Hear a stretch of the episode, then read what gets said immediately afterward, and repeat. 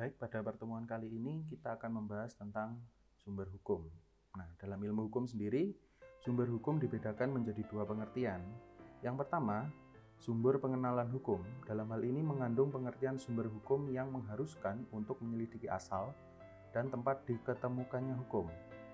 Kemudian yang kedua, sumber asal nilai yang menyebabkan timbulnya atau lahirnya aturan hukum, yaitu sumber hukum yang mengharuskan untuk membahas asal sumber nilai yang menyebabkan atau tempat menjadi dasar aturan hukum. Kemudian secara sederhana, sumber hukum adalah segala sesuatu yang dapat menimbulkan aturan hukum serta tempat ditemukannya aturan-aturan hukum. Sumber hukum merupakan segala apa saja yang menimbulkan aturan-aturan yang mempunyai kekuasaan mengikat dan bersifat memaksa, yakni aturan-aturan yang apabila dilanggar mengakibatkan sanksi yang tegas dan nyata bagi pelanggarnya maksud dari apa saja per maaf saya ulangi. Maksud dari segala apa saja ya ini adalah faktor-faktor yang mempengaruhi terhadap timbulnya hukum. Faktor-faktor yang merupakan sumber kekuatan berlakunya hukum secara formal di mana hukum itu dapat ditemukan dan sebagainya. Berikutnya kita berbicara tentang sumber hukum material dan formil.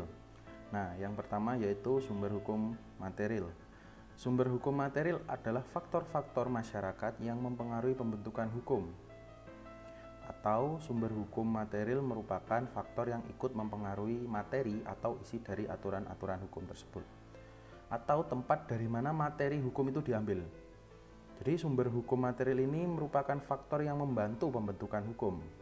Sumber hukum material adalah faktor-faktor yang menurut eh, maaf yang turut serta menentukan dan mempengaruhi dari aturan-aturan hukum dengan kata lain, sumber hukum material merupakan bahan yang harus ada dalam proses pembentukan hukum. Faktor yang turut serta tersebut adalah faktor ideal dan faktor kemasyarakatan. Faktor ideal ini adalah patokan-patokan yang tetap mengenai keadilan yang harus ditaati oleh para pembentuk undang-undang atau para pembentuk hukum yang lain dalam melaksanakan tugasnya.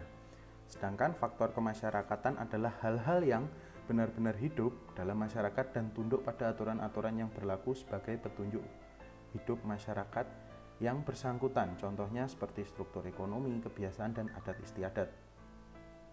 Kemudian kalau menurut Appledorn, eh, sumber hukum materi ini berbagai kepustakaan hukum ditemukan bahwa sumber hukum materi itu terdiri dari tiga jenis, yaitu sumber hukum historis, yaitu tempat kita dapat menemukan hukumnya dalam sejarah atau dari segi historis dalam pembentukan hukum. Kemudian yang ketiga, sumber hukum sosiologis, yaitu sumber hukum dalam arti sosiologis, yaitu faktor-faktor sosial yang menentukan isi hukum positif. Artinya, peraturan hukum tertentu mencerminkan kenyataan yang hidup dan berkembang dalam masyarakat, seperti misalnya keadaan agama, pandangan agama, kebudayaan, dan sebagainya. Kemudian yang ketiga yaitu sumber hukum filosofis, Sumber hukum ini dibagi lebih lanjut menjadi dua, yaitu yang pertama sumber isi hukum, membahas atau eh, maaf membahas asal atau sumber isi hukum. Kemudian yang kedua yaitu sumber kekuatan mengikat dari hukum, yaitu mengapa hukum mempunyai kekuatan mengikat. Mengapa kemudian kita harus tunduk kepada hukum. Jadi dengan demikian sumber hukum material adalah tempat atau asal hukum itu diambil. Sehingga untuk melihat sumber hukum material dari sebuah peraturan hukum harus dilihat terlebih dahulu isi dari sebuah aturan hukum tersebut. Kemudian melacak faktor-faktor yang mempengaruhi pembentukan hukum sehingga menghasilkan karakter hukum yang demikian.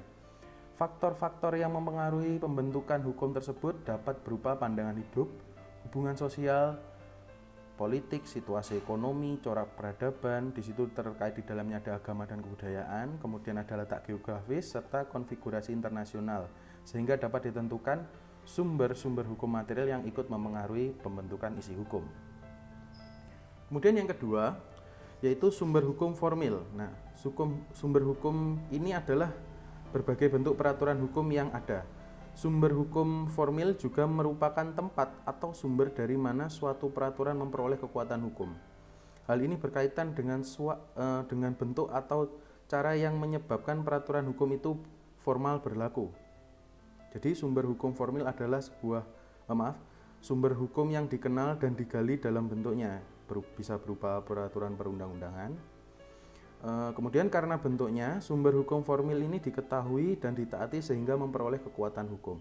Hal ini berkaitan dengan bentuk atau cara menyebabkan peraturan itu sendiri menjadi e, secara formal berlaku umum dan mengikat semua pihak.